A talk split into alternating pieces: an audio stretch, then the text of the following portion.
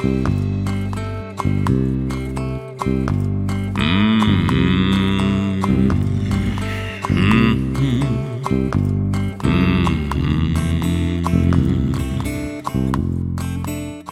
Páll Pálmarsson hefur þjálfað meistarflokslið í tíu ár þrátt fyrir að vera aðeins 37 ára gammal. Hann tók við vikingi Ólasvík í vetur af Eyjú Púrisevit sem hafði stýrt liðinu frá upphafi aldarinnar. Þetta er miðjan, ég heiti Hafliði Breiðfjörð og Jón Páll er gestur minn í dag.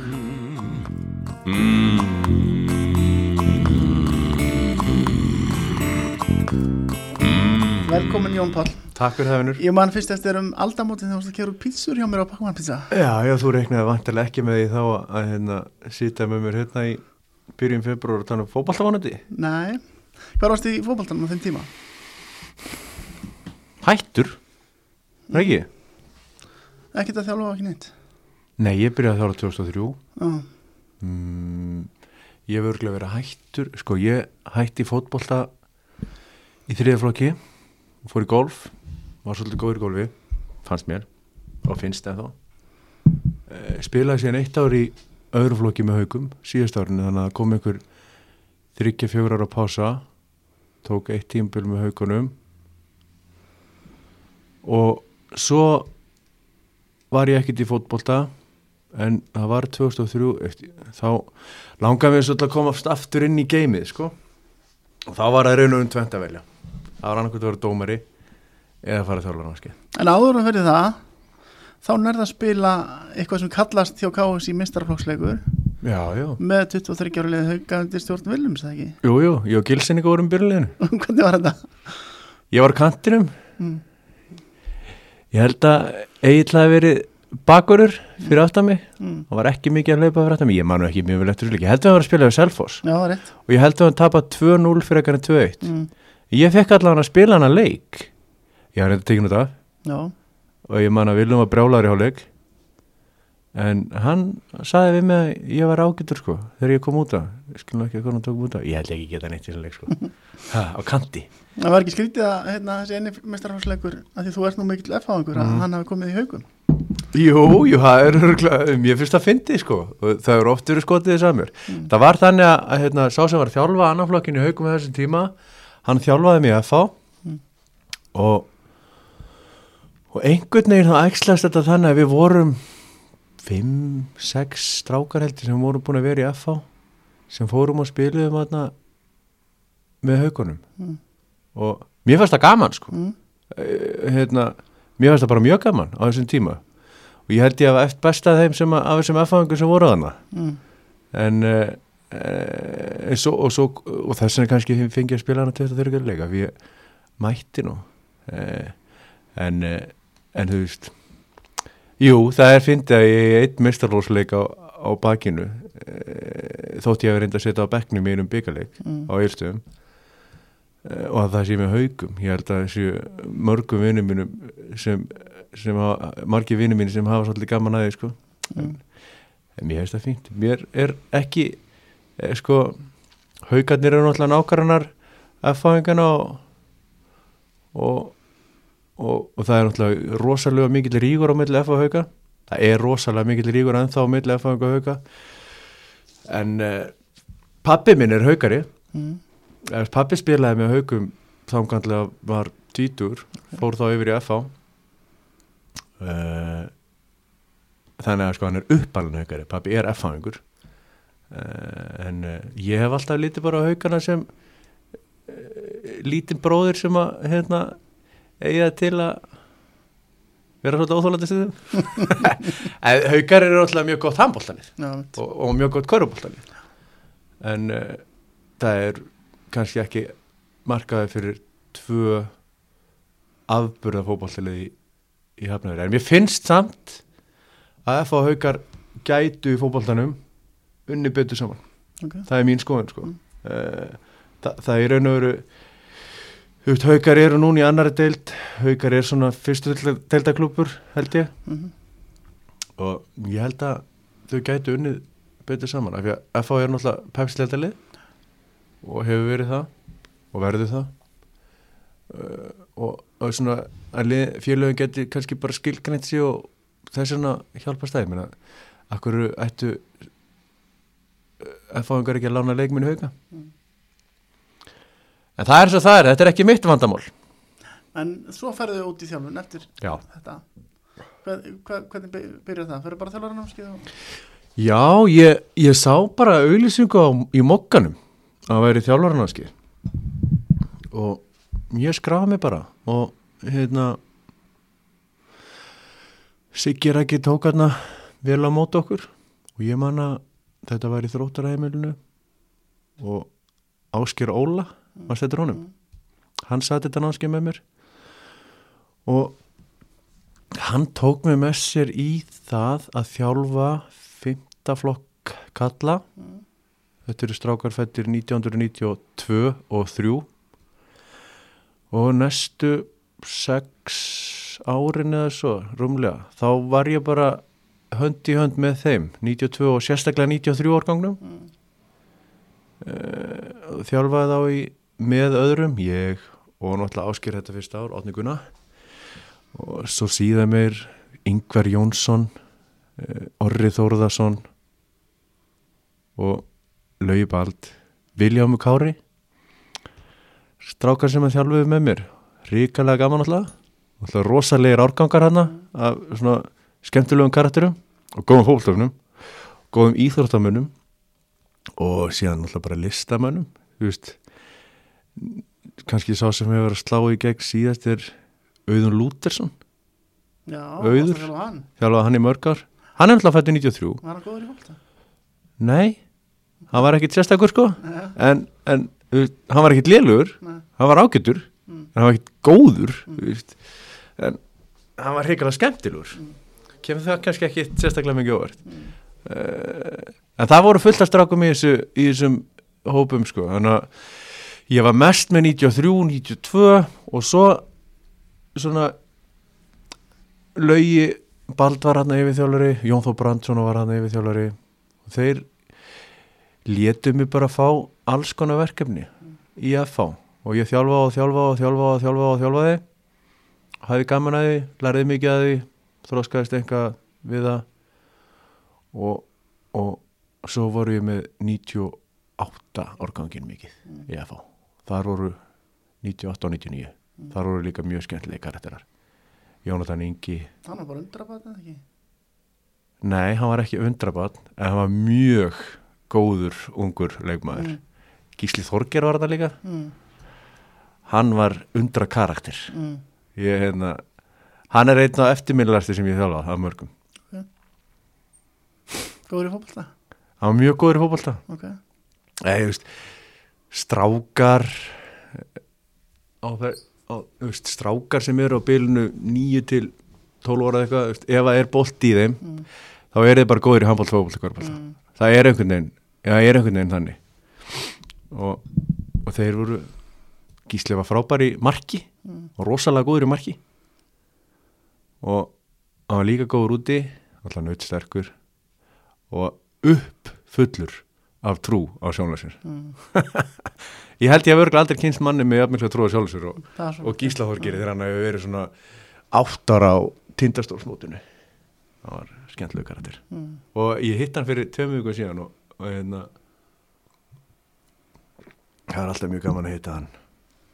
Það er verið óheppin með handbóltaferilin ennþá, nei, nei, hann er ekki já, já, hann er náttúrulega hann er ekki búin að vera óöfnum með feril sín vegna þess að hann er mjög góður í FH fyrir til á Kíl og nú er hann ekki í Magdeburg. Þannig að hann er búin að og svo er hann búin að standa sér með landsliðinu. Með við það hann er hann er 20 og 20 og einsás mm. á árinu sko. Hann það bara hérna styrkja sig þetta í kringum öxlina. Mm. og, og hann á, ég meina, 15 ára eftir. Varstu það svo segusælt samt í yngri flokkunum? Þið voru að vinna marga titla og svona Já, ég held sko e- einhverju tímpúndi að ég væri svaka þjálfari mm. ég hugsa bara, herri við, sko, fyrsta árið þá við unnum sko ennett mótið í fyrstu tilraun og svo unnum við náttúrulega sjálfmótið tvöfalt í fyrstu tilraun og ég hugsaði með mér, ég kann þetta alveg sko Mm. svo náttúrulega setni tíði fattaði það náttúrulega ég var með Kristján Gauti Emilsson í öðrum annar grúpunni og hins vegar var ég með Jónatan Inga í, í henni grúpuna. Hérna, við, við af því að ég fattaði síðan einhvern veginn þegar ég var að þjálfa gænaliði á fylki og viking á valstelpuna voru að vinna okkur svona 7-8-0 eða eitthvað. Mm. ég er kannski bara venjulegu gæði sem þetta, hérna, ég er kannski bara eitthvað venjulegu þjálfari sko, ekkert, ek- ekkert merkilegri heldur en hérna, gæðin hérna, hinnu við, við, við hinnu var að manna böknum en og eftir þetta svona með veist, leikmenn skipta svo rosalega miklu máli. En við vorum mjög sigursælir í þessum, þessum yngri flokkum í, í FH en það skapast að því að við vorum bæðið með mjög góða leikmenn stóra hópa og, og hérna og svo voru svona í þessum í þessum liðum sem ég mann eftir 92-93 og svo 98-99 karakterar. Þú veist, Kristján Gauti Emilsson hann hafði engan áhugaði að tapa henninu Mm. Brynjar Áski Guðumsson Björn Berg Bríði Einar Ingvars. Mhm. Þú veist, þeir bara þeir vildu bara vinna Mhm. sem krakkar. Og voru alltaf svo góður og dúlir og svo alltaf Jónatan hérna í 98 árgangunum Viktor Helgi Ben. Mm. Skur Jakob Martiner hann var alltaf maður. Þetta voru allt miklir höfðingar Mm. En svo svona, um það leiti sem þú ert að hefja meistarflokks þjálfunina þá verður einhver áfall, eða ekki? Jú. Hvað getur þú sagt mér frá því? Ég er náttúrulega fór á Egilstaðin í 2000 Ég fór að tók við Hetti árið 2000 Já. 2007 Nei, nei, fyrir ekki, 2000 2010 2010 ásaki Höstu 2009 Ég tók við Hetti 2010 en var í bænum einhvað svona fram í massi eða eitthvað Mm. og var þá að þjálfa held ég bara 15 loka F á eða eitthvað Mm. og, og það er sko 93 organgurinn var þá komin upp í annan flokk þannig ég hætt þannig ég var eitthvað, ég var eitthvað að þjálfa 15 loka kalla held ég með orðaþórar Mm. og ég hafði sjötta með Krissa, Mm. sko Kriss er það er mikill, mikill öðlingsmaður Mm. Og það er Orri Ómarsson sem, þjálfa, sem ég þjálfaði í að fá hann dó. Já, 30. janúar 2010 og það er án nokkur svafa að erfiðasta sem að uh, getur sem að, eh, það er lang erfiðasta mómenti sem fótballtæðalari vegna þess að þjálfa orra í fymtaflokki, fjórðaflokki, þriðaflokki fara með honum til Svíþjóð tvisar uh, út um all land þjálfa litla bróður hans mammas og pappi, mikið kringum okkur. Og svo var hann allt í henni dáin sko. Fjöllur í einu hendi. Og, og það það var mjög erfitt og var erfitt í langan tíma og er erfitt. Mm. og, og hérna mikið svona ég er svona mikið þegar ég verið að horfa á unga stráka sem ég verið að þjálfa og stelpur, af ég náttúrulega að þjálfa tölvöld að stelpum Mm. þá ég oft hugsað þegar ég er að tala við sko, maður er alltaf að reyna að komast inn í hausin og skilja fólk. Mikilvægt í þjálfun. Uh, og ég hugsaði mikið til hann sko, fyrir að ég sá ekki neitt. Nei. ég sá ekki á henni liðið illa sko, bara undir aldrei ég sá bara hæfileika punkt, hann var alltaf mjög góður í fólkla Mm. var mjög góður í handbólta hann flugaður, hann var fjallmyndalugur og fjölskyldan hans er og, var bara the perfect family Mm. þannig að maður skildi þetta ekki sko og þetta ónaði mig líka svolítið vegna þess að þegar ég var yngri þá svona eins og eins og margir krakkar og, og ungt fólk þá var ég sjálfur í svona svipuðum vandræðum Mm. greinlega ekki fara jafn djúft og orri en þú veist, ég átti erfitt uppdráttar þú veist, ég, ma- þú veist fólk segir ofta að besta árin séu framhanskóla árin sko, ég hataði þau ár. Mm. Eh, þú veist, mér leið bara óörugur, eh, lítið sjálfströðt vissi ekki hvað ég vildi gera og alls konar svona hlutir sko. Og það var eina ástæðan fyrir því að ég fór í þjálfun upprunna. Til að hjálpa strákum og svo auðvitað stelpum á þessum úlingsárum að halda áfram að spila fótbolta. Mm. og vera áfram í fótbolta því að það breytist svo mikið á úlingsárunum þú ert kannski með mjög efnilega íþróttamenn sem þroskast kannski seint og gleymast. Og svo ertu líka með þessi hæfileika búnt sem krakka sem verða svo kannski bara meðaljón. Og þetta getur, þetta er bara heilin er svo ungur og, og, hérna, þetta er bara svolítið erfitt að, að svona finna sig mm. og ég, ég, eins og þessu, það var eina ástæðan fyrir ég vildi fara að þjálfa var að, að mjög langaði þess að hjálpa krökkum sem væri að komast inn á úrleiksaldurinn til þess að halda áfram og, og bara kenna um þetta veist, að, að, hérna, þóttu sért ekki bestur þú ert 15 ára, þá getur þú verið góð leikmaður á 18 ára, hvort sem það er í heimaliðinu eða á lefili sem er læra eða herra eh, þannig að mér finnst það sveið mig mjög þegar einna svona, ég kalla það fyrir mína menn 92, 93 98, 99, þetta eru mínu menn þeir vita það að þegar einna en dó sko og mér fannst þetta svo ég hefði eiginlega bröðist honum og náttúrulega sjálfur mér strákonum að hafa ekki, þú veist, af því að þú hugsaður alltaf hvað, hvað, átti ég ekki sjá þetta? Ég meina, ég var með honum fimm sinni við viku, átti ég ekki að sjá þetta? Og svo var ég náttúrulega reyður að ég hef ekki vit, fengið að vita af þessu og svona. En það er svona eins og það er. Þetta var högg. Mástu hennar dag þá þurfu Já, já, ég man sko ég man hver ég var. Ég man hver, ég var að keppa í ég var með eitthvað pólamót í Keflavík, Sigþór Átnarsson stórvinni minn, hann sagði fyrir frá þessu. Uh, og ég man hún daginn ágætlega sko, en ég man hann svona í eins og þegar þú sko slætsjó mm. séu svona myndir ég man þetta Sigþóri, ég man þetta Krissa ég man þetta hann þetta Bjarni, hérna pabbi Tvíbrunna, Henriks og Lins mm. ég man þetta klefanum minn í Kaplakaríka þar sem strákarnir voru ég man eftir að fara heim til fóreldrans mm. ég man þetta með manns ég man aldrei glemja því mm. þá sá ég sko ég sá þar hvað sorg er Já. það var það var ótrúlega sérstök það var ótrúlega sérstök upplifun og einhver sem ég hef engan áhugaði upplifa eftir mm. eh, en að því sögur sko þá voru þau búin að standa sér rosalega vel opinn með þetta hjálpa og, og ég er í ekki miklu sambandi en alltaf smá reglulega sendi ég skilabóð og fæ skilabóð tilbaka gott fólk mm. en uh, ég sakna orra Já. og hérna ég hefði viljað vera um orra í Ólafsvík uh, en, en hérna hann kendi mér mikið mm. uh, og, og vonandi fleirum Þú stu lengi að ásaka þig um að það hefði ekki getað gripið inn í það?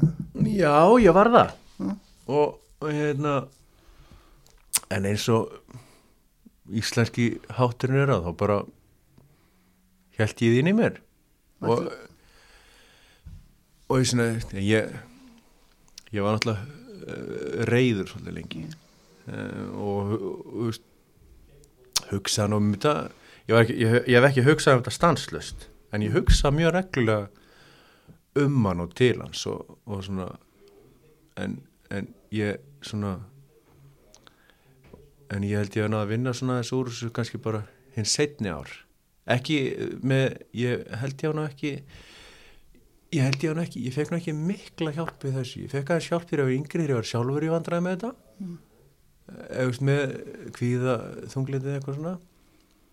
En eh, ég vann ég vann ekki mikið út úr sem ég orra en, en svona það var svona bara kannski eftir fór til Norex mm. þá svona veldi ég þessu mjög mikið fyrir mér mm. uh, og ég endan þá bara nú er ég svo þakkláttu fyrir að fá að þjálfa sko. mm. mér finnst alltaf svo hríkalega gaman að þjálfa mm. og, og mér finnst svo gaman að vera í svona samskiptum við svona krakka og úlinga uh, hérna ég, ég er ekki búin að sætta mig við þetta en ég er búin að ég lifi með þessu og hérna og það er ekki, kom ekki ég verð ekki reyður lengur þegar ég hugsa um þessi mál mm. En hvernig var þetta vandamál, hvernig snerti það þig þegar þú varst að glíma við þetta? ég, ég get alveg verið reynskil með það ég man ekki droslega vel eftir þessum árum Mm. þegar ég hef verið, ég man ekki sérstaklega vel eftir framháskólanum en ég var bara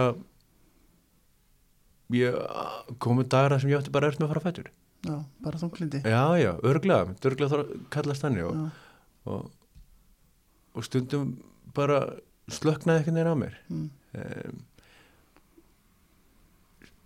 skapbrestir mm, eh, svona pyrraðir reyður sérstaklega þegar gekk ítla en uh, og ég, þú veist, ég fekk aðstof við því en og ég ég vildi einhvern veginn ekki fá aðstof við þá.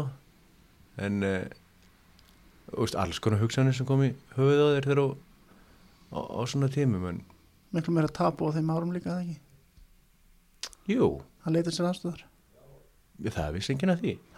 Nema kannski mamma og pappi og Já. sýsti mín og kannski svona bestu vinnu mínir. Já, kannski þessu allir eði það var enginn sem talaði við mig um það. Það var enginn sem talaði við mig um það. Og, hérna, og það var alltaf leið, tröflaði mig ekki neitt sko. Ég, þú veist maður, þetta, er- þú veist, svo er þetta veist ekkit hvað þú vilt gera. Mm, og veist ekkit hvernig átt að vera. Uh, og, og þú veist svo er bara oft verið erfitt að tala við fólk sko. Mm, en nú er ég mjög góða vini.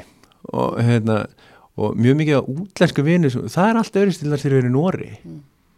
þeir það var miklu öllur að tala einhvern veginn við þá ok. og af því að þeir töluðu svo mikið sjálfur um þetta sko Já, já.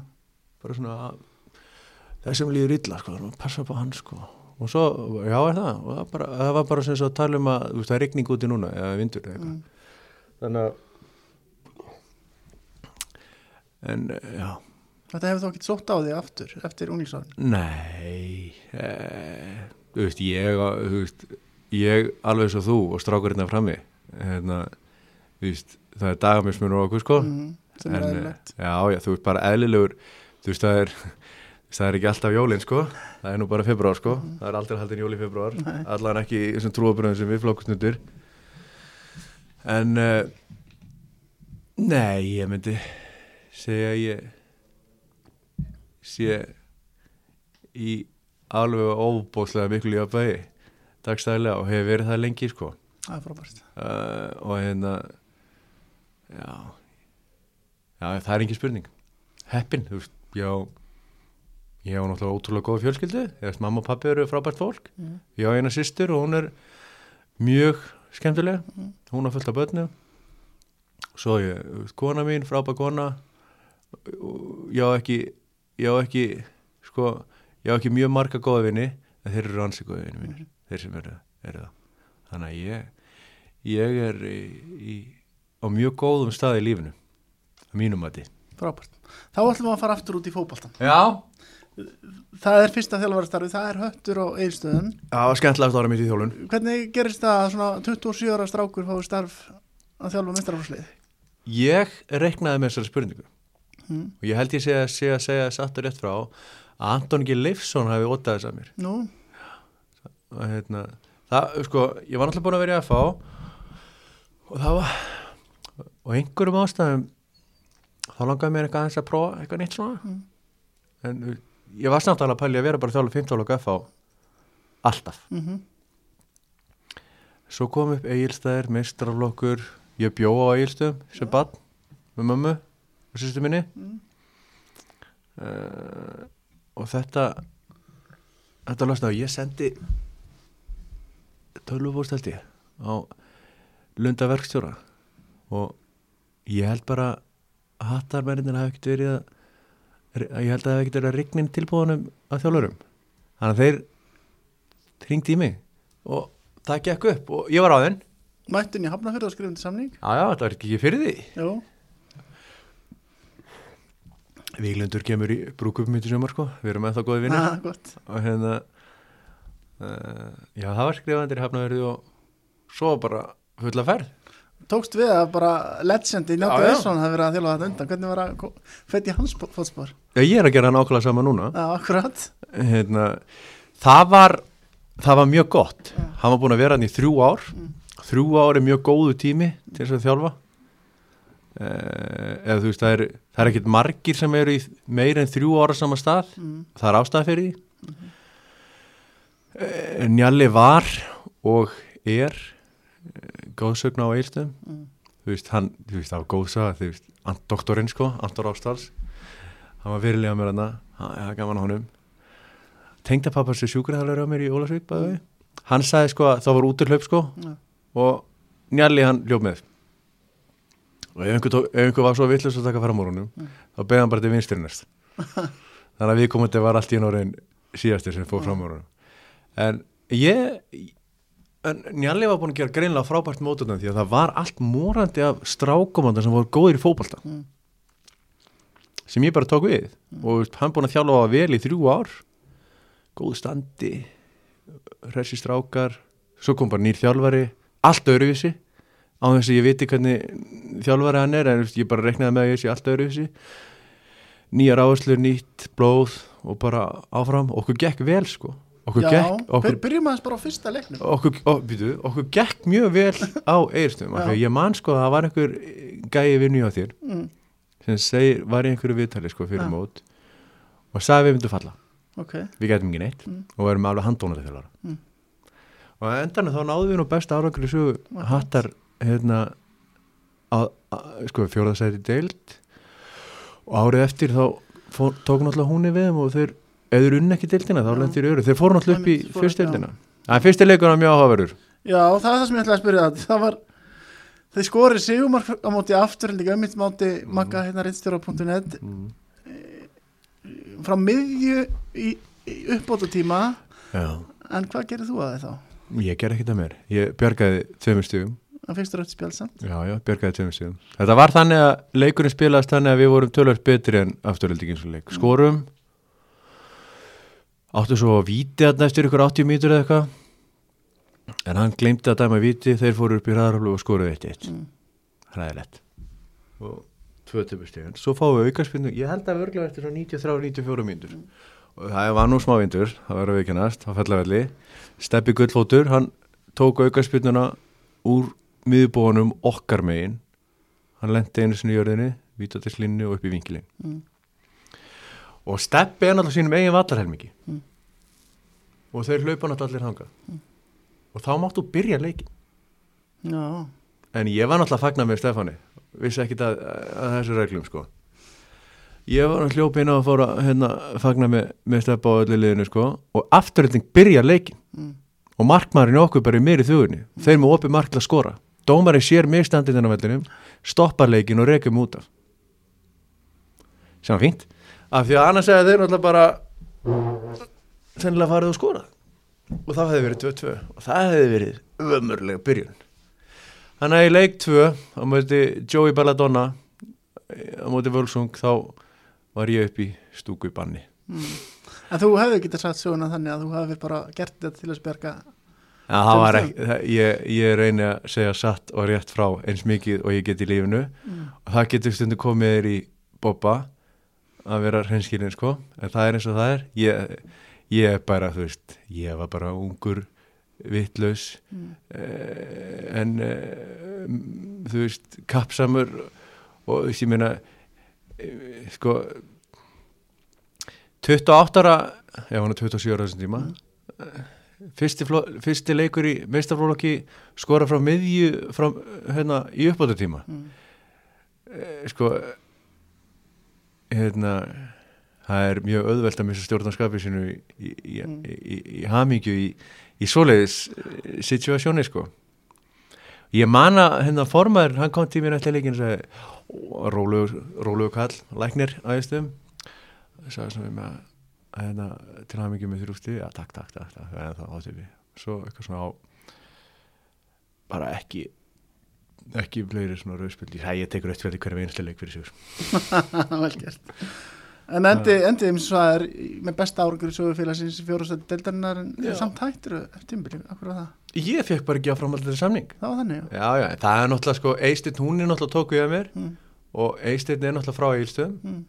og ég ég veit að, að þeir vildu fá hann þegar ég kom mm. og þú veist, bara mjög svona eftir á, ég spurði nú aldrei neitt sérstaklega út í þetta en ég hugsa bara þeir að vilja vilja hérna fá hann heim þú veist, búin að vera lengi í burtu og, og hérna og ég hugsa líka að hann hafi komið á réttin tíma Mm. þú veist, hann við vorum á fínt lið sko Já. og hann gerði mjög góð hluti með hattarlið, fór upp og mjög nált að halda þeim uppi. Þú veist ekki ósatt við málulogin Nei, nei, nei, nei, nei, nei, ég var ekki ósattu við það, alls ekki sko. ég, ég, ég, ég man þetta nú ekki eins og þetta hefur gerst í gerð, þetta, er náttúrulega tíu ár síðan sko. Akkurat. En hérna ég, ég, ég man ekki hvort ég, ég Eistedd sagði mér enda bara ekkert um hann að og þú vantilega hörst fréttnar og ég sagði, hvað er þetta? Já, ég er orðið að taka á þessu líði Já, það Það var var ég, það var hérna voru að spila mot en það, þannig að ég, ég ég fór aldrei neitt að hugsa um það hvort að hérna hvort að hérna ég hefði viljað fyrir ég einhvern veginn vissi að þetta myndi ekki vera áfram. En hann sagði mér þetta þegar hann spila mot KVF það hefur örugglega verið næst þrjast eða þrjast síðustu leikur en ég, man bara ég hefði mjög gaman að þessu og þetta var frábært ár, skemmtilegasta ár sem ég hafði í þjálfum Mm. Í mitt Uh, mér fannst mjög gaman að þjálfa 93 árgangin í FH og 98 árgangin í FH það var svona, fóru mikið fyrirlum en í meistarlokki þá var þetta skemmtilegast ári sem ég átti í þjálfun og, og, og ég, meina, ég skil mjög vel að þeir hafi viljað fá Eistein húna á þessum tímbúndi til að taka næsta skref. Þetta var hárrétt ákvörðin á hjá hattarmönnum Þú kannski hefur ekkert búist við að halda áfram minnstarhúsi til að vera svona fljótt en það leiði tvær vikur og það er komin í starf. Ég sko, ég man nú ekki ég voru á tverjugur Já, er það frá þetta tilkinn til fjölmjöla já, ég held sko eftir þetta á þessum tíma 27 ára, 20, að þetta er nú hann 28 ára. Mm. ég var nú ammali í júli Já, og hérna, þá held ég sko herru, ég, ég ég var ennþá þarna sko, ég er flinkur í þessu, ég veit alveg hvað ég er að gera. Mm. Ég tók að það einhverju liði sem átti ég geta neitt og budget 0 krónur Mm. uh, bara heimamenn ja, þú veist að, ég held að við hefum verið með Vigni Bollason sem kom frá FH og Þóri Guðna sem við fengum úr haugunum og Sigur Dónis náttúrulega mm. kongin uh, annars hafði þetta allt verið strákur á eilstöðum og ég held sko nú stoppar ekki síminn sko. Já, nú verður þetta fanni síminn, hann stoppar ekki. Og það ringdi enginn. Það ringdi enginn. Ekki einu sinni fimmleikafélagi til þess að fara í yngjurlokana sko. Og hérna svo ringdi Haffi Steinsi mig úr, úr fylki. Og ég hafði sko ég þjálfaði nú einn leik hjá kvennaliðinu í, á yfirstöðum sko. Og ég manna þegar ég var búin að þjálfa það leik og ég sem með mér að þetta var aðeins öðru í sig heldur en það sem ég verið að gera henga til en Haffi spurði mér hvort ég vildi taka í fylgisliðinu og já, já, ég græði það Mm. og það var líka mjög skemmtilegt mikil skóli, mikil reynsla Var það allt öðru sér heldur en þjálfastrakana? já, það var aðeins öðru í sig Eða, veist, það er náttúrulega sko þetta er náttúrulega alltaf þetta er náttúrulega alltaf 11 mot 11 það sem þjóðurinn vinna Mm. en uh, þú veist það er fótbolti er fótbolti og það gildi alveg sömur lögmál en það er alltaf öðru sér þjálfur fintaflokk kalla og þriðaflokk kalla eða meistarflokk hvenna í Noregi eða meistarflokk hvenna á Íslandi Mm. eða annar deild á Íslandi eða fyrst deild á Íslandi. Þetta, allt er náttúrulega öðruvísi og, og fylgislið var aðeins öðruvísi heldur en hætt að liða sko. Mikið stemning í þeim hópi já það voru hressar það voru hressar og skemmtilegar mm. og, og margar að þeim eru ennþá, ég er ennþá í sambandi við nokkra af þeim, Önnu Björgu, Rúð Þóruðar Mm. Eh, þetta var náttúrulega- frábær hópur Mm. en uh, það var svona sama með að mínum að þetta var sko sama með strákana á hetti og stelpunar í fylki það vantaði alltaf vinningshefðana Mm. og þú veist, þau voru bara ekki við, af því að þetta hattalið sem við vorum með ef við hefum fengið tvo þrjá leikmi með þá hefum við vunnið dildina hérna, og þau gerðu það næsta ári. Og það er eina sem ég spurði það var af hverju gat, hvernig stóða því að, að hérna, þið gáttu náðu þessi leikmenn árið eftir? Þá var það vegna þess að það var búið að breyta fyrirkomulegni kvennadildinni þannig að það var miklu minna minni ferðarkostnaði fyrir kvennalið mm. þannig að þeir settu peningkatalið en ég sá að það vantaði bara smá winning mentality í leikmannahópin bæði á eigilstöðum og í fylki. Og kannski líka í þá sem stjórnu þó svo að þeir sem stjórnuðu hattarliðinu og fylgisliðinu sérstaklega fyrra árið hafi verið að vilja allt fyrir að gera. Ég man alltaf að hann, hann var formaður fylgis fyrra árið mitt Kjartan, hann er núna formaður fylgis í dag líka. Hann sagði við mig um haustið að það veri tölvöst stittraði það að hvernarliði myndi vinna titil í fylki þetta hann kallað liði Mm. og það er, þau- ég held nú að fylgir hafa ekki unninni titil en, en hvernig fór unnuður kannski reykjengum út í gær? Já, það er vinnaði kvöld líklega Er það kvöld? Já. Ok, en ég kannski sem að var í reyndar, á, á föstu dagina því að þátturinn er byrtur á miðvík degi Jæja, ok. Sorry, ég hef ekki hugmynd um hérna, En uh, Ég er nú að tala um byggja kemni í Íslandmóti Mm.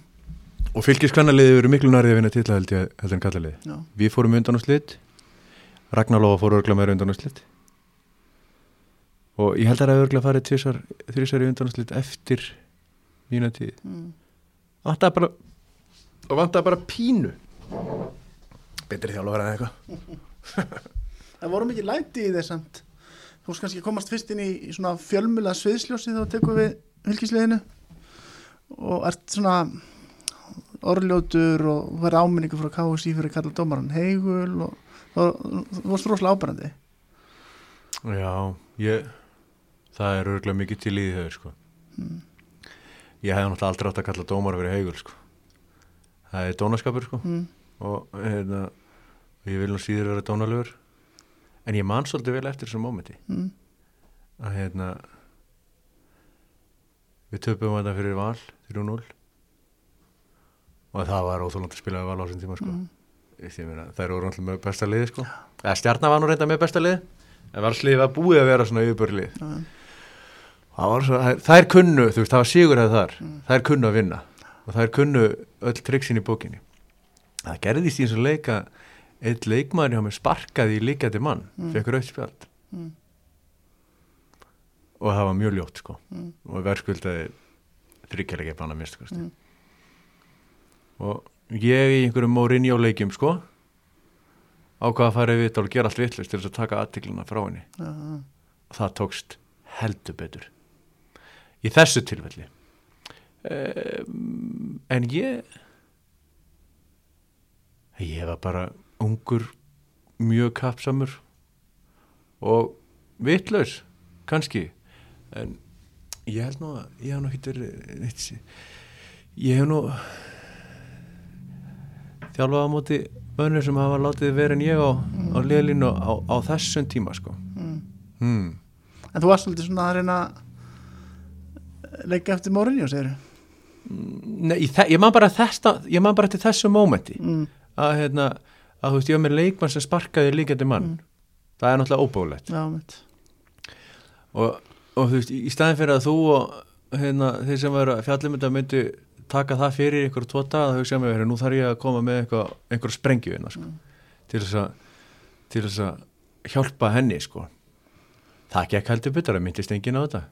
Hvorki fjölmiðlan ég stjórnamenn í, í fylki ha Hva, hvað, aðtikli varstu þú að fara að, taka, að reyna að taka af þegar þú fær svo rautt spjald þarna sömarið fyrir að þrjuma boltanum í burtu?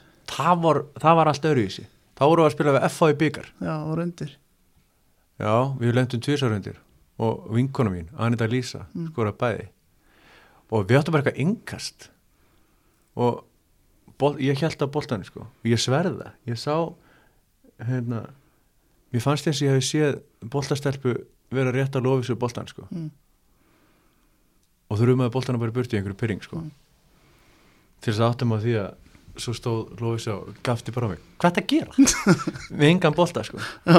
Þá fekk ég rauðspjöld þá var sko þá var sko var ég, þá var mamma, þá var mamma komin á leik sko fyrsta skipti búin að vera á leiknum í halva mínútu. Þá var ég reikin á þetta og fór heim. Og hefur ekki komið aftur á leik hjá mér sem þjálfari held ég, kannski ein, einu sinni í Núri en og hún kemur aldrei aftur á leik. Það er ekki þannig. Æ, hún er reyndar að pæli að koma á Víkingur Ólasík Valur. Mam, mömmu finnst Óli Jósaldi skemmtilegur. Mm. og hérna og hann er ekki þar lengur. Fyrirgjöðu stjörnuna, Stjörnuna. stjörnuna fyrirgjöðu stjörnuna. Að mamma var ánað þegar hún sagði þú, hún, mamma sagði mér að við varum að fara að spila við stjörnuna og, og val sko, af því hún veit hún náttúrulega veit hver Óli Jó er mm. og veit að, að ég hef gaman á honum og svo veit hún hver Heimi Guðjónsson er. Mm. og hún veit líka að, hérna, að ég hef mjög mikla mætur á, á Heimi. Mm. Eh, þannig að hún sagði, vissir þú að ég var í San Diego, í Solbæði sko. vissir þú að þú ert að fara að spila við Heimi Guðjónsson og, og hérna, Óla Jó? Ég sagði mamma, nei, þeir eru í pefstildinni ég er í næstafstild, en það er eitthvað mót sem út að fara að tekja því átti fylgdist bet, bet, betur með þetta já, já, hún fylgist með en þetta fylgistímabili, þú, þið endið í 15 sæti sem er bara parið það sem hafi verið árið áður og, Já, við lendum í fimmtasæti og fórum í undansliti byggar Katrin Ásbjörnsdóttir skoraði henni upp á tíma og þær fóru í úslit, mm. káringarnir.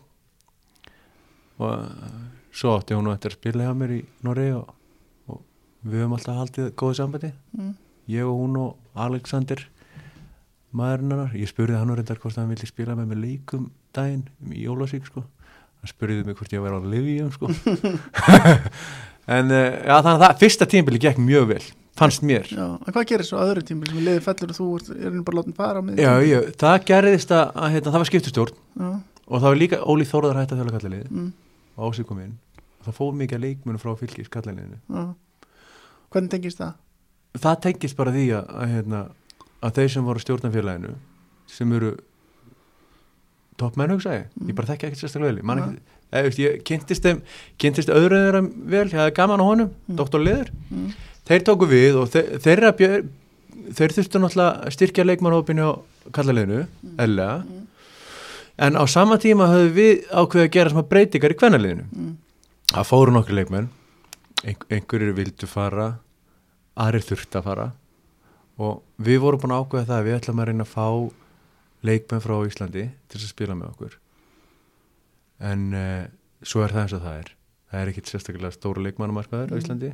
Fyrir utan það að þegar Valur og Breiðblík og stjartan þessi tíma ringdu þá var það frekar einfalt val. Þannig að þá voru, ég sagði sko, hvað er að gera ef, ef það er vil ekki koma sko? að þá ná okkur bara þrjá útlendinga. Og svo þegar enginn vildi koma og, og hérna og ég sagði við verum að taka hérna einhver útlendinga þá var ekki til pinningu fyrir já, já, eins og það er. Og það fór náttúrulega í töðunum mér. En það var í raun og vera ekki stjórninni að kenna. Mm, vegna þess að þá var ég náttúrulega búin var náttúrulega búin að vera að tala um þetta við aðra stjórnarmenn. Já, skilur mig? Þannig að veist, þetta var svona bara bad timing. Mm, svo byrja mótið og okkur gengur okkur lega okkur gekk okkur lega framan að uh, ég meina fylgislið vann ekki leika eftir í hætti Mm. og fjall þetta voru átta leikir. Uh, en við vissum sko að, hérna, að við vorum að missa leikmyndi bandaríkjana og, og hérna og ég var að segja við, við verðum að styrkja lið í glöganum annars getur stutt skítin. Svo ger Hallsteinsson kenda okkur. Mm. uh, en það var eh, það var, þú veist það var ekki hægt að styrkja lið eh, þú veist, það var hægt að fá menn eða konur. En þú veist það er ekki sama að fá leikmann og fá leikmann þú veist, við gátum fengið leikmenn en við gátum ekki fengið styrkingar. Mm, Danni Yngskir er ekki til leifbúlið þannig sé uh, en svo, svo en veist, var þannig að það var, veist, það var kergja í raun og veru bara frá byrjun. Mm, ég man að það var kergja bara frá fyrsta leik sko. það var eitthvað á, á, á milli mínu stjórnarinnar. Uh, og ég held bara, þú veist, ég var ungur þjálfari og var ég hefði vil kannski fá meiri stuðning og ég fór kannski eitthvað í töðunar að þeim. Uh, en, en ég hef alltaf fylgst með þeim með öðru augunum sko. Mm. og ég og Haffi til dæmi sem er hérna í fylki, við erum mjög mikli vinnir og einar náttúrulega. Mm, Eh, og, og, og það, er, það er bara tímaspyrsmál hvernig ég keir upp í fylgjasöld og fæ mig kaffi með þessum köllum þið eina fór alltaf í berjamóð ekki? Já, við fórum í Berjamó, við fórum náttúrulega ekkert alltaf í Berjamó við fórum einu svona í Berjamó upp á Snæfellsvíkul sko. Einar er náttúrulega höfðingi. Já. þú þekkir hann náttúrulega þú þekkir hann betur en ég. Þótt að ég hef kynst honum mjög vel á þessum tíma. Og, og hérna þó svo ég segi sko að, að- skemmtilegustu ára mín ára mitt tímbil hafi verið á eiginstöðum sko. Þá var skemmt þá var sko utan fótboltan þá fannst mér rosalega gaman að vera í fylki fyrir eftir æfingar með Einar með hérna Ólaf Þórðar Mm. Malakitta og þess að gæja sem, af því að það er svolítið skemmtilegt andrústloftið í fylki. Saman því. Hérna, vinalegu klúpur og rosalega gott fólk. En svo þegar þetta gekk bara ekki upp hana að það er samt ein, eins og menn verði einhvern veginn tvísa þegar þú hættir þarna og fjölumilin tilkynnt að sé út af liðlaugengi liðsins en í það uppsunabrifinu talað með hvað eða ekki? Þetta var, sko það, sko, það sem gerist er að, að hérna, það er leikur í mestarlóki kalla. Mm. þetta er náður tíu ár síðan það um Mm. það er leikur í mestarlóki kalla. Og stelpunar voru á leiknum Mm. einhver hlutaðin og þær voru með eitthvað í flöskunni sinni sem að er sterkara heldur en það sem er í flöskunni þinni okay. og þær voru skottast inn í klefa svona, og ná í og blandi í eitthvað meira sko. og veist, mistök að þeirra hálfu mm. og þær viðkynna það alveg, ekkert mál og þetta var þurfti náttúrulega að taka á þessu og þetta er réttur í Veslumalgi Mm. og hérna og ég segi ég var, mest, ég var alveg sammálaði stjórnina þú veist, þetta gengi ekki upp sko Mm.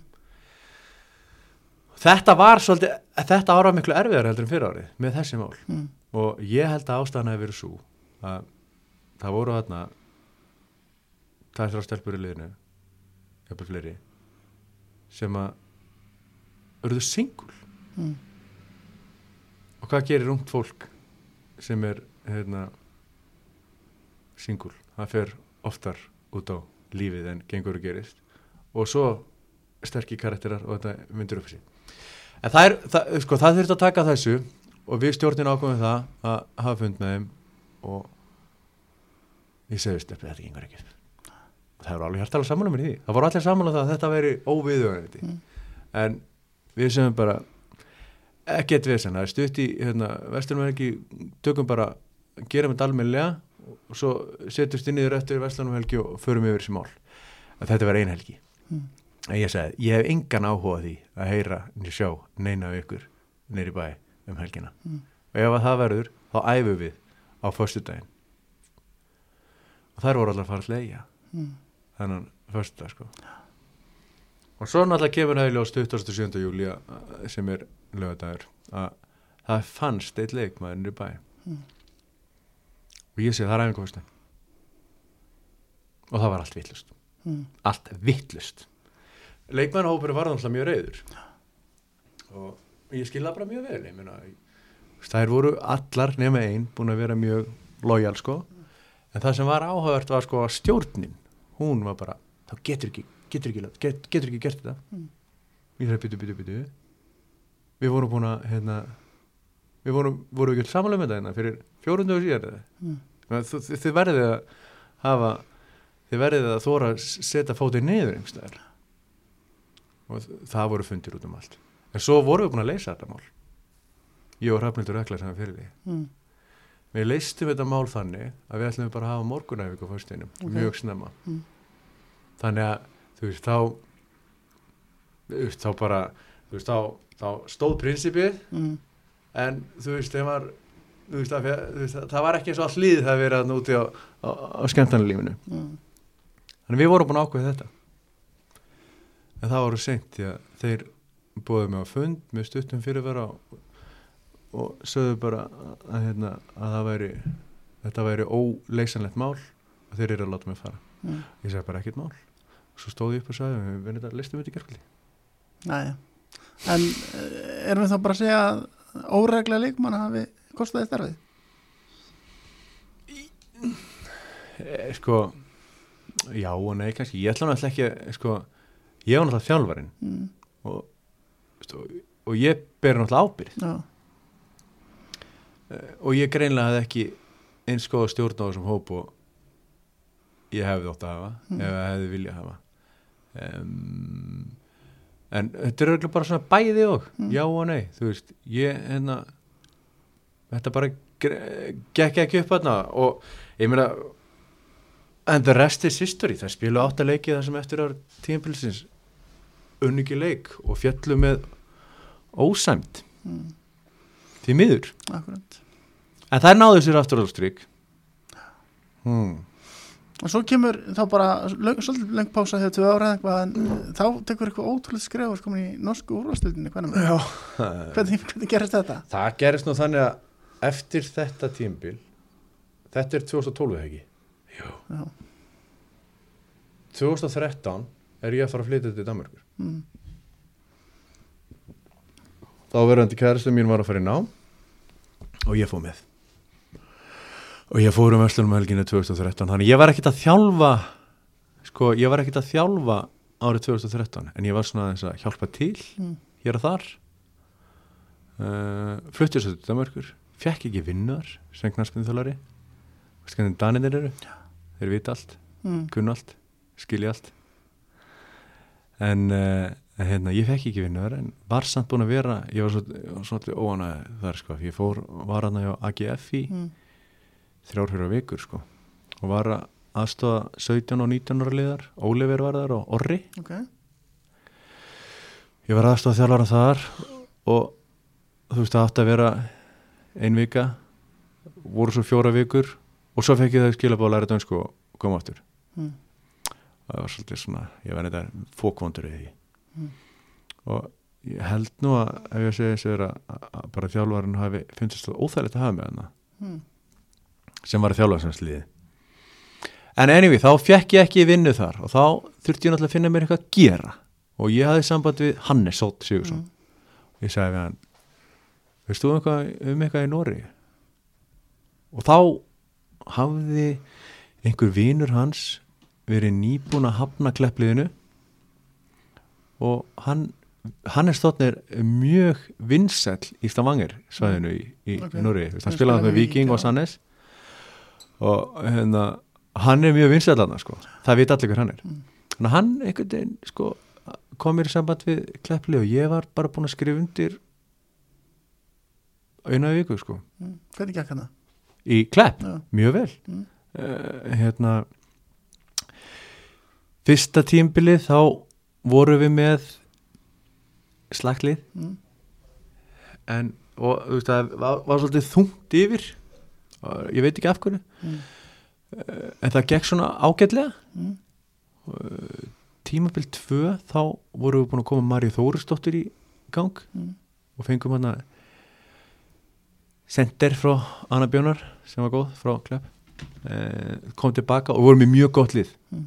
Vorum í öðru sæti hérna þegar sumafríu kom langt sumafríu vegna HM vorum með þrjár stelpur sem að fóru og tóku þátt í HM í Kanada Mm. 2015 kom allar heim meittar mm, uh, og svo fyrir 2016 tímbili þá voru sko Marja farin í að Marja var meitt fór síðan Chelsea. Uh, þessi og við, við mistum hérna mikilvæg leikmenn sko. Klepplið var svolítið sko við köllum ég og aðstofþjálfari minn sem er núna aðstofþjálfari í Sannes Úlf við köllum Klepplið svona eins og það var svona svo lestastuð mm, af því að þú veist það er þetta var náttúrulega stærsta kvennalið á stafangarsvæðinu en það voru, þú veist, það var ekki mikið lojality í hana það spiluðu kannski eitt af þarna fór svo hvert, kom bara aftur bara eins og þeim hendi, þannig að það var svolítið erfitt að byggja upp lið um, en sko gekk mjög vel 2015 gekk vel 2014 og þú veist bara svona á pari 2016 því við vorum bara einfallega ekki með alveg nóg gott lið. Uh, en við náðum þess að sko hann var nú með mér hérna í síðast árið, hann er dróli við náðum að svona búa til ímislegt í kring þú veist, klepp til dæmis í Nóri í dag er flottu klúpur sko. Við náðum að við náðum að starta einhverju sko sem að hann síðan helt áfram með og komið svona bolti sem eru undir upp á sig. Veist, bara þau eru nú bara stjórna öllu kvennabatteríinu á sveðinu í stafanginsveðinu og gera það mjög vel. En það sem breyttist sko eftir ég hætti var að það kom miklu meiri peningar í kvennafókbaltan í Núri mm. við vorum low budgetlið en þú varst þarna Maríu Þórustóttur sem er já, búin að spila fullt af landsleikjum og atvinnumar í Chelsea. Var þetta svona öðru sér leikmaður að vinna með? Já, hún var geggjuð. Já. hérna, hún var sko þegar ég var í fyrsta árið mitt þá bjó hún í Oslo. Var að spila handbólt með Stabæk. Mm. en hún var með Jumpersny og var alltaf einhverju tölvu basli með að spila handbólt og hún hætti og kom flutti heim. Byrjaði að spila með okkur og þú veist, ég er bara Marja er ábyggilega með betri hafsendum í heiminum í dag, mm. uh, rosalega fysisk sko. Rosalega sterkur leikmaður. Og bara þú veist um, einhver svona áhugaversti einn áhugaversti karakter sem ég hef þjálfað sko. Svo mikil mikil hérna mikil, mikil íþróttamæður pappina sagði mér hún hefði getað landslískona í handbólta líka Mm. og, og þú veist hún, hún sko hún var orðin landslískona í fótbolta sko bara eins og skot Mm. þegar hún, hún byrjaði eftir að hún, hún byrjaði með okkur sko fór náttúrulega á HM og spilaði Einmitt. á HM og var þá ekki búin að spila fótbolta í í mörg ár áður hún, áður hún hérna byrjaði með okkur fyrir þetta tímbil þarna áður en hún hefur það hefur hún hefur verið óheppin með meðsli eða allan fyrirlisi Mm. hún er meitt núna, Ok. höfuhögg hún er að koma í gang og veist, hún meittist mjög illa árið 2015 hjá okkur og var frá í eitt og halvt ár sko Mm. það Hvað- var ekki Gáttu þið haft samskipt á íslensku eða? já sko þegar ég kom þá talaði ég íslensku við hana Já. og nú tölum við saman á norsku þannig að en hún skildi það alveg á, talar hún alveg íslensku? já, já, hún talar íslensku, Já. bara mjög góð íslensku uh, ég meina pappinar talar íslensku hérna við hana og, og, og svo á hún tvö sískinni og þau, þau tala bæði íslensku og, og konan hans hún skilur íslensku Já, ok. þannig eh, frábært fólk sko En akkur hættur í klepp? Ég var bara þrjú ár, komið gott. Það er bara svona viðmjöðuna tími þar. Já, allan í síðustu tömustörum veist, ég, ég, ég taldi mig á þeim tíma ekki geta náð mikið betri árangur við vorum náttúrulega low budget klubur höfðum í raun og veru ekki úr mikla móða en það var samt breyting á fótboltanum í Núri eftir þetta Einmitt. og það sem að gerist er bara hérna, það var sem sagt uh, starfsmaður þarna sem sá um svona toppfútball, hvinner svona, uh, hvað hva kallast þetta? Og verið svona yfir hvernamálum hana hún var ekki starfið sínu vaksin sko. Mm. búin að vera hana lengi og eitthvað. Og það komið ný kona. Hege Jörgensen heitir hún. Og allt í hennu voru sko komið nafn á deildina. Mm. uh, sterkir, stóri sterkir sponsorar Mm. og alls konar dæmi sem við verið að gerast í Noregi sko þannig að allt í hennu sko eins og þegar ég var að þjála kleppliði þá vorum við með einn útlending. Núna eru það 6-7 Það er svo gott, já. það er, þú veist, það var sko það var sko það munar, Mm. þú veist, þá ha, þau gáttu fengið hérna salt og pipar í, í liði sem þurfti það var alltaf tölvöld af, af leikmennum af, svæðinu sem að, liði var náttúrulega bara norsku stelpur af svæðinu. Af því það er ekki hægt að fá leikmenn frá Noregi til Stavanger, Mm. það er ekki hægt. Uh, en ná, það gekk vel hjá þeim eftir að, því að sko, eftir að kom svona aðeins mér budget þá heldu góðum kjarna af stelpum á svæðinu og gáttu síðan fengið mjög góða útlendinga og fengið mjög góða útlendinga og voru, Olli sem að var, tók við um að vera mjög góðu þjálfari sko. en það er hann núna komin í hann er í Sannes Hólf Mm. sem er mjög gott starf sko. Að þú fórst í détildin að kalla megin og tókst í stort. Já. Varst að taka skrifin niður á við það?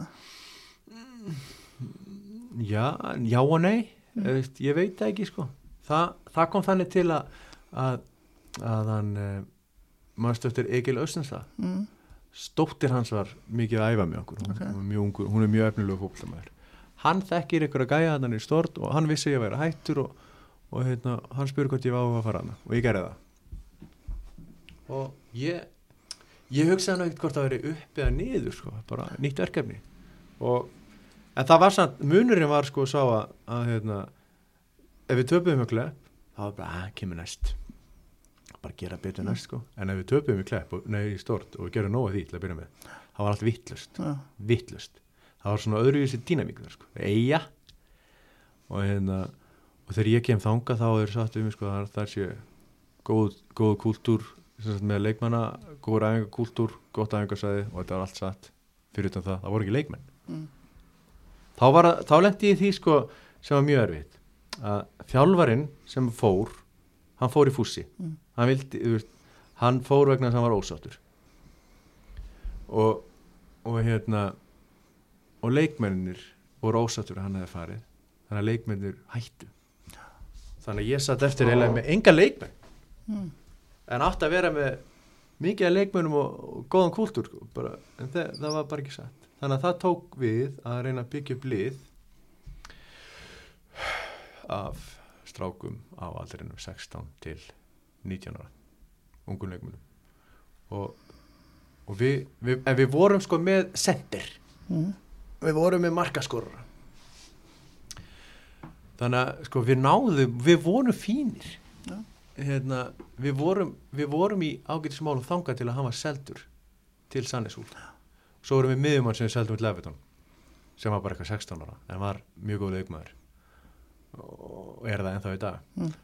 um, og þá áttu við bara ekki breyk af því að var búin að riksa upp juniorliði sko og þyrfti svo að fara ennþá neður til svona með leikmaður þá bara heldum við ekki velli í raun og veru og fyrsta tímbil var rosalega erfitt sérstaklega svona frá eftir, að- eða, sérstaklega eftir að við seldum við þessa, þessa tvo stráka Mm. þá kallar Viktor Sigata kom og spilaði með okkur Mm. þá breytist allt Já, Af því hann, bara. hann tók bara við hlutur þetta er Róger Egeland sem að var hann fram í okkur hann tók við á honum mm. og bara var betur leikmar og ég er betur leikmar Ok. og, og hann redda okkur Mm. Voruð þið allan tíman í detildin? Já. já, en við vorum nærið í að falla heldur en hitt Já. e... já, það var þannig við vorum, já, þrjú ár Og það var aftur bara sama þegar ég langa að komast í vanna eða en ég var ósáttur í síðasta tímbilum mínu akkur það? af því að hérna, e, veist, ég var ég var, e, veist, ég elskaði og eiginu sko Mm. og leikmyndir aðeinslegir e, fólki e, þetta er náttúrulega einhver bestu stað sem ég búið á. Þetta er Mm. sem svo hafnafjörður á styrum þú veist, það er strönd, fjara, fjöll, gott viður e, skóur e, var hérna, bjóð hérna einn með hundi mín sko, þetta var frábærstæðir Mm. en það vantaði bara aðeins meira professionalitet í, í klubinu og við vorum með svona bleikan fíl í herbygginu í klubnum og Sem var? framkvæmstörnin mm. og hérna tók mikið budget á okkur hálunum uh, styrtaræðilega vildi ekki styrkja okkur út af honum Mm. uh, og svo var hann bara erfiður í samskiptum við, ekki erfiður, erfiður í samskiptum við mig það var erfiður í samskiptum við leikmennina mína og leikmennin kvennaliðinu Mm. þannig ég sagði við á bara í mæ sko, annarkoð fer hann eða ég fer eftir tímblið Mm. og það er þannig í Nóri að það er ekki auðvelt að segja fólki upp störfum sko Nei. ágætsun áfangi bara hafði ekkert að gera í að stjórna í þetta félagi Mm. Um, þannig ég ákvað að hætta og, og þau fara niður núna næsta ári þessu ári Mm. Þarna kannski líka árið kannski smá breytingar á högum þínum ég heyrði einhvers staðar, ég veit ekki hvort ég satt ég samt, samt að spyrja því að þú hafa farið ykkur fótbolta, ferðið bandaríkjana Já. og kynst það konuðinni ég var að skáta í bandaríkjunum. Ég hef verið að fara svolítið í það. Mm. tekið nokkur íslendinga með mér. Mm. Eður Ben til dæmis kom einu sinni með mér í þessa ferð. Mm. og þar komst ég að því að Eður Ben hann, hann straujar nærbuksna sínar sokkana sína og stuttanabóluna sína. Og ég og Lundi verkstjóri við horfðum upp á þetta og ég, ég, ég er ekki ennþá búin að svara að strauja nærbuksna sínar. En við vorum, í, að, ég, ég farið í sumafríinu mínu, þá hefur við verið að fara og skoða leikmenn í, í, í bandaríkjunum og síðan marga góða, stráka og stelpur. Uh, og við vorum í bandaríkjunum núna. Það reyti í konu mína. Mm. og hérna þannig að, þú veist, og ég var að ég var, vissi ég væri að fara að hætta að þjálfa og, og svo þrá, þróuðust þau mál bara hjá okkur tveimur og, og ég var að fara að flytja til vandaríkina Þangar til að fara símtið frá þá Ólasík gætu að Ólasjúkur pakkin kemur upp sko. Já, og, og ég, það var svolítið spennandi. Já, það var svolítið spennandi ég meina, allir vita allt um Ólasvík sko. Já, og hérna, þú veist, ótrúlegur ótrúlega saga þú veist, Víking Ólasvíkur á, á þessar öld held ég bara, og það kýtlaði mér svolítið. Mm, og hérna og ég spurði hana hvort hún hefði kannski bara áhugaði að koma með mér heim. Mm, taka þetta þetta starfa að mér í eins lengi að það myndi ná þú veist, ég geti verið reygin á morgun þú veist það, mm, en þú veist það geti orðið þrjú ár. Þú, veist, hvernig þetta starf er að maður veit aldrei þú veist aldrei hvernig þetta er búið uh, og hún bara, hel ég. Mhm. og, og, og hérna hún kom með. Mm. Og kom með til Íslands og elskar Ísland. Það er nú bara svo það er. Já, en þar ertu samt uh, komin í svolítið aðra áskorun eins og þegar þjálfaraferðin var að byrja. Þú ert að taka við af góðsögn sem er Mm. EU Púrisef sem er gert fótboltan í Ólasvík já, það verður svolítið erfitt að fara í þessi spór já, örgulega. Ég er að reyna. Eh, Eyjúb stóð sér náttúrulega gríðarlega vel já, Ólasík mm, það er engin spurning. Og ég tek ekki neitt á hann með það. Hann er náttúrulega á, á allar allan á, á mikið hróskili en en uh, það var ekki bara Eyjúb sko. Það eru stjórnamenn í Ólasík sem hafa verið hérna mjög lengi. Og ég var á stjórnafundi í fyrra dag mm, í Ólasík og það voru sjö. Já, já. Og hérna, mest sjóarar. Mm, og það er, þetta eru duglegi kallar sko. Mm, og ég meina ég hef sagt sko að til þess að ná árangri þá þóttu að vera með góða leikmenn. Og þóttu að vera með góða stjórn. Og þóttu að vera með góðan þjálfara. Mm, ef einhvað af þessu klikkar þá stutt í skítin. Og ég held að þegar EIOP hefur verið aðna þá hefur við verið með mjög góðan þjálfara. Mm, þeir hafa yfirleitt verið með fína leikmenn og þeir hafa verið með mjög góða stjórn. Um, Eyjúb er örgulega miklu miklu betri en ég í mörgu. Mm, en ég er örgulega betri en hann í einhver öðru. Mm, eins og gengur og gerist bara með þú veist, með, með þjálfara. Uh, ég er viss um það að við verum með mjög gott liði sem við erum búin að já, við erum ekki búin að við, við erum búin að æfa ákveðlega sko. Mm, reyndar ekki við kannski bestaðastur í heimi. En við erum búin að leggja tölvöld mikla vinnu í það að fá til okkar réttu leikmennina e, og ég er viss um það að við verðum með mjög gott lið í sumar Þeir eru komin með hvað, Gonzalo Samarón og. Kristófi Daða frá Sindra Já. Er eitthvað meira? ekkert sem er staðfest ég ætla alltaf að kikið í síman sko og nú er ég ekki eins og að grína sko um,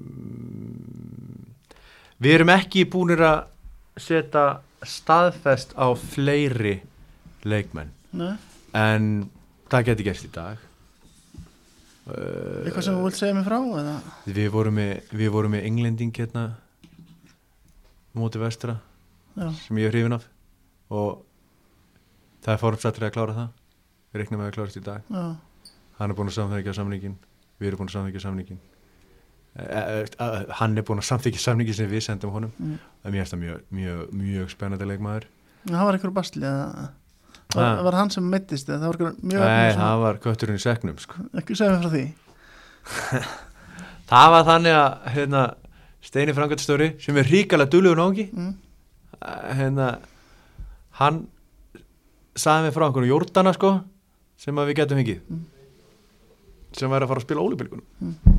ég sagði nú hva, hann spilar ekki með okkur en hann er að fara að spila ólipilgunum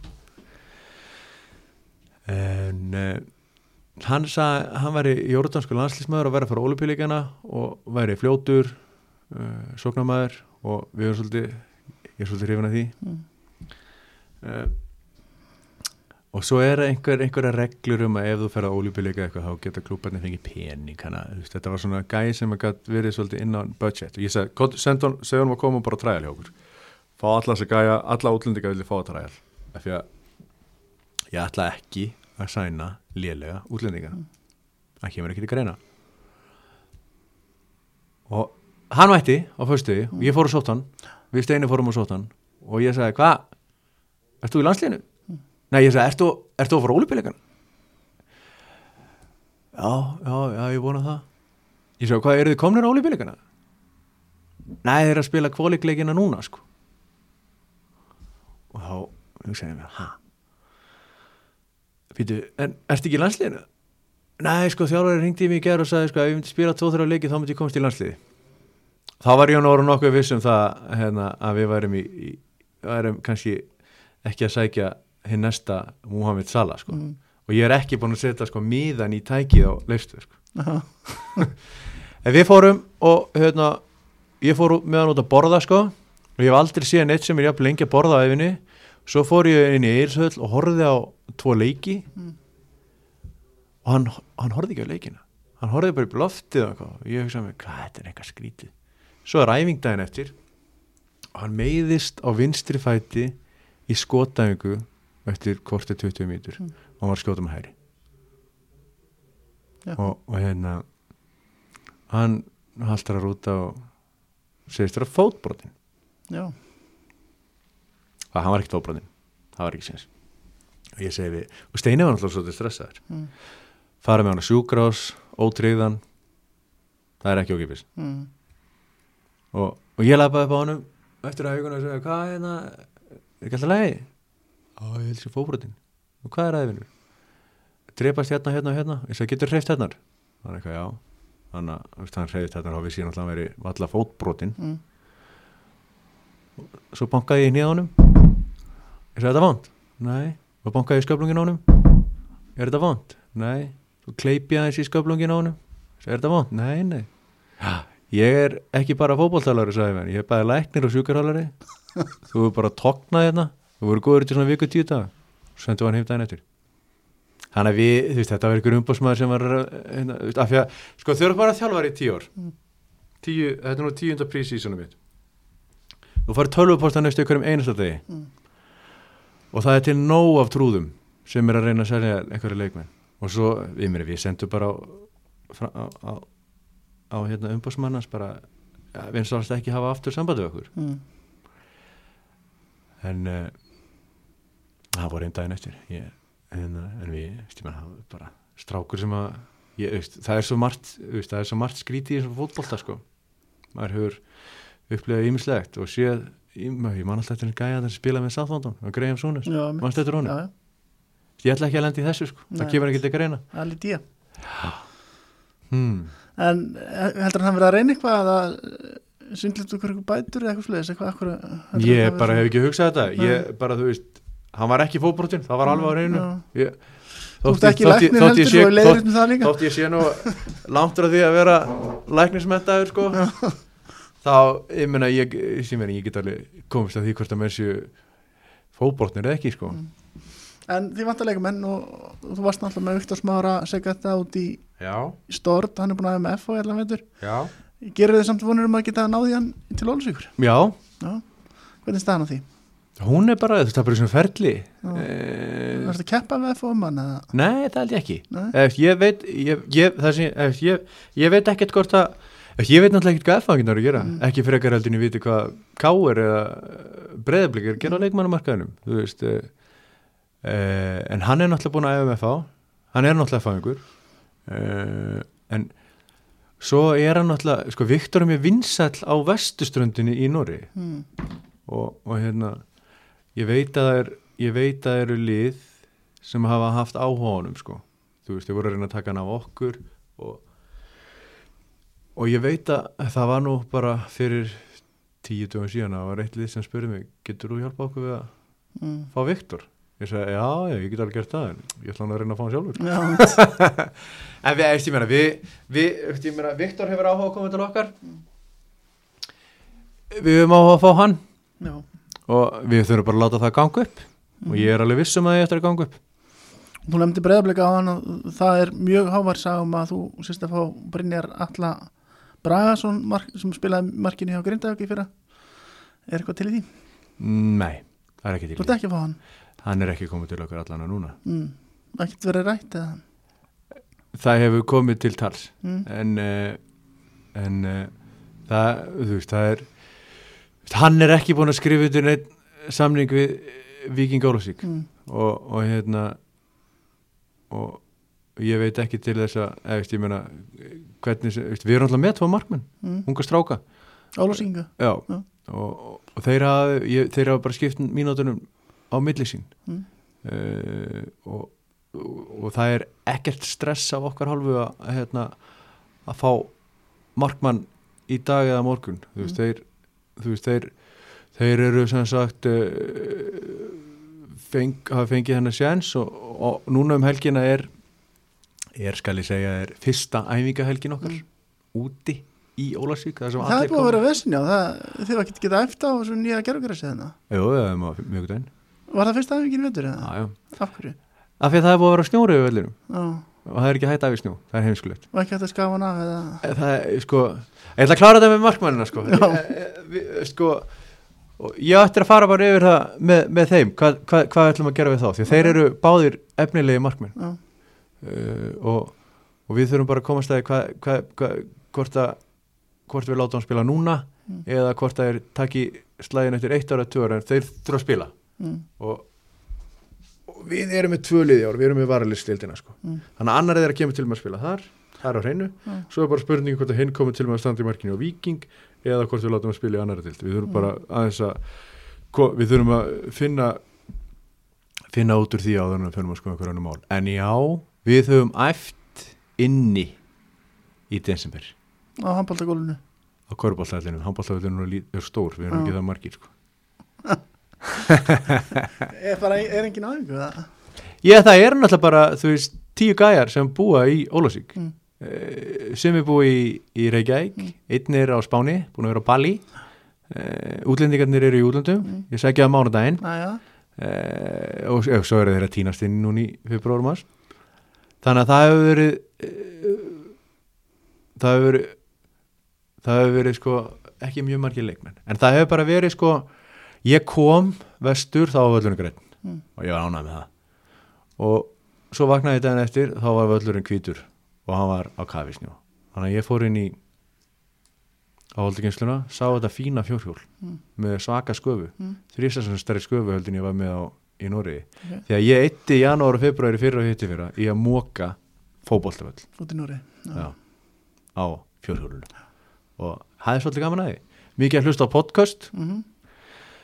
og tónlist bara í róliheitunum móka snjó, bara fór í öll föti mín Mhm. og líka fötinni á raurani afstöðhölarunum mínum. En svo þegar ég kom í Ólasvík þá sagði ég þetta fína fjórhjól sem við, þetta tekur enga stund. Ég byrjaði daginn á því að móka allan hálfa öll en munur er náttúrulega sko þegar ég var að móka í Noregi, það var kannski kalt snjór, logn. Þú skafar engan fótbolltafell í 20 metrum á sekundu sko. Já, það er bara, það hlýt það er, það er í besta falli heimskulegt. Vindkæling sko. Mm. Þannig að sko, svo náttúrulega fröys bara snjórinn og, og hérna, og, það er ekki hitt ef þetta á snæfissensi þannig að það er ekki hitt undir vellinum. Þannig að veist, við bara hafa ekki, hefði ekki verið hægt að æfa. Ok. þannig til að miðvikudaginn, þá æfðu við. Í 25 metrum á sekund og regningu úti. Menn hafa gott að því. Já, já, er svona af og til. Völlurinn í Jólasvík er geggjaður. Já, hann er glænýr. Mhm. uh, að hérna það er náttúrulega ekki jafn mikil notkun á gerðugrarsvellinum í Jólasvík og til dæmis Egilsvöll þannig að þú veist að það er bara færri ytkandum Mm. svo erum við með hérna springlekerfi þannig að við getum bleitt völlin hann var alltaf rennandi blöytur á miðvikudaginn. Af náttúrulegum ástæðum. Þannig að það er, við erum með nýjan völl sem við getum bleitt það eru alla fósöndur til að spila góða fókbalta í Jólasvík í, Mm. í sumar og við, við komum til með að gera það.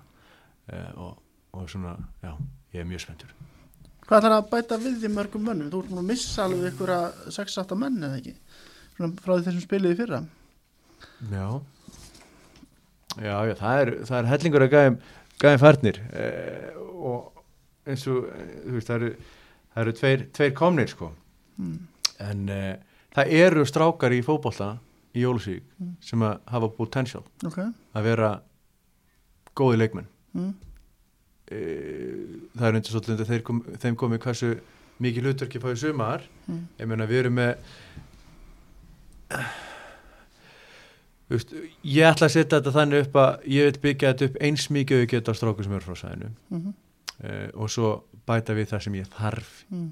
í tækifærin eru þeirra tækifærin hafa komið í mótinu og tækifærin komið í lengjubíkandum en við þurfum alltaf að bæta við okkur leikmunum uh, veist, ég er að fara að sækja James Dale og Michael Newbury á, á, á mánudaginn Mm. sko uh, Gonzalo León kemur í mánamótin uh, og, og við tökum íslenska stráka.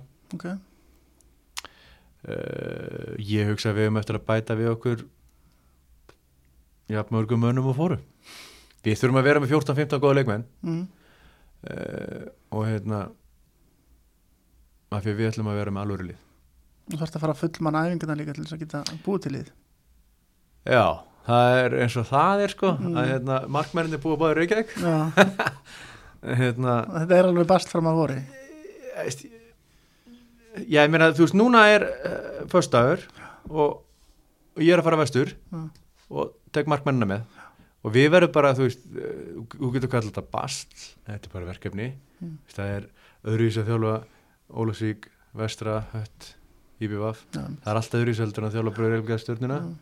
uh, en, en þú veist það er kostur í þessu að undirbúinstímbil á Íslandi er allt og langt Mm. að, hérna, að, að við höfum svo góðan tíma við höfum bara að vera effektífir þegar á æfum mm. Ég ætla að spyrja bara lókum Já, Hvað er allar að, hvaða sæti ertu að fara að byrjast um í sumar? Hvað er allar að enda? það er uh, góð spurning Ég hef sagt sko að, hérna, að það er engar afsakanir í þessu Mm.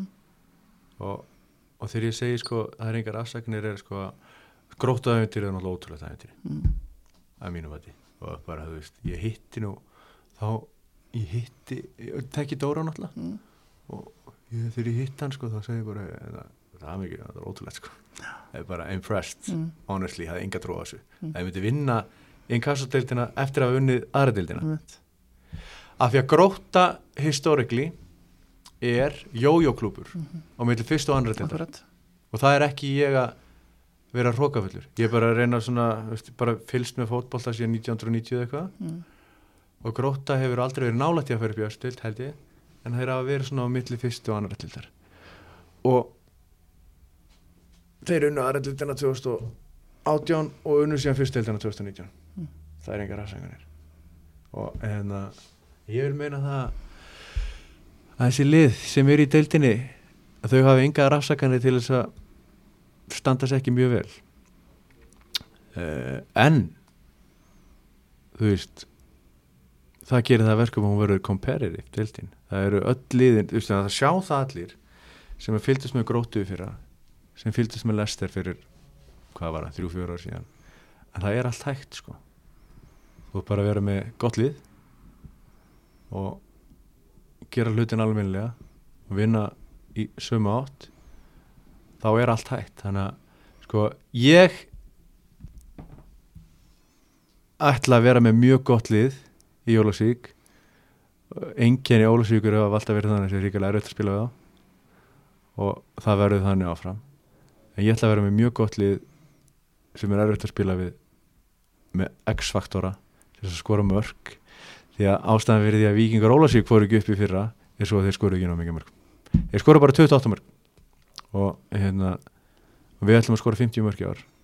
Og ef að það tekst þá verður áhugavert að sjá hvað við endum í töflunni. Því að það vantar ekki að við getum ekki varðið þetta mark sko. við erum alltaf með Newbury, hann verður áfram með okkur James Dale kemur og verður hann miðni okkur svo erum við alltaf með Emir Dukara Mm.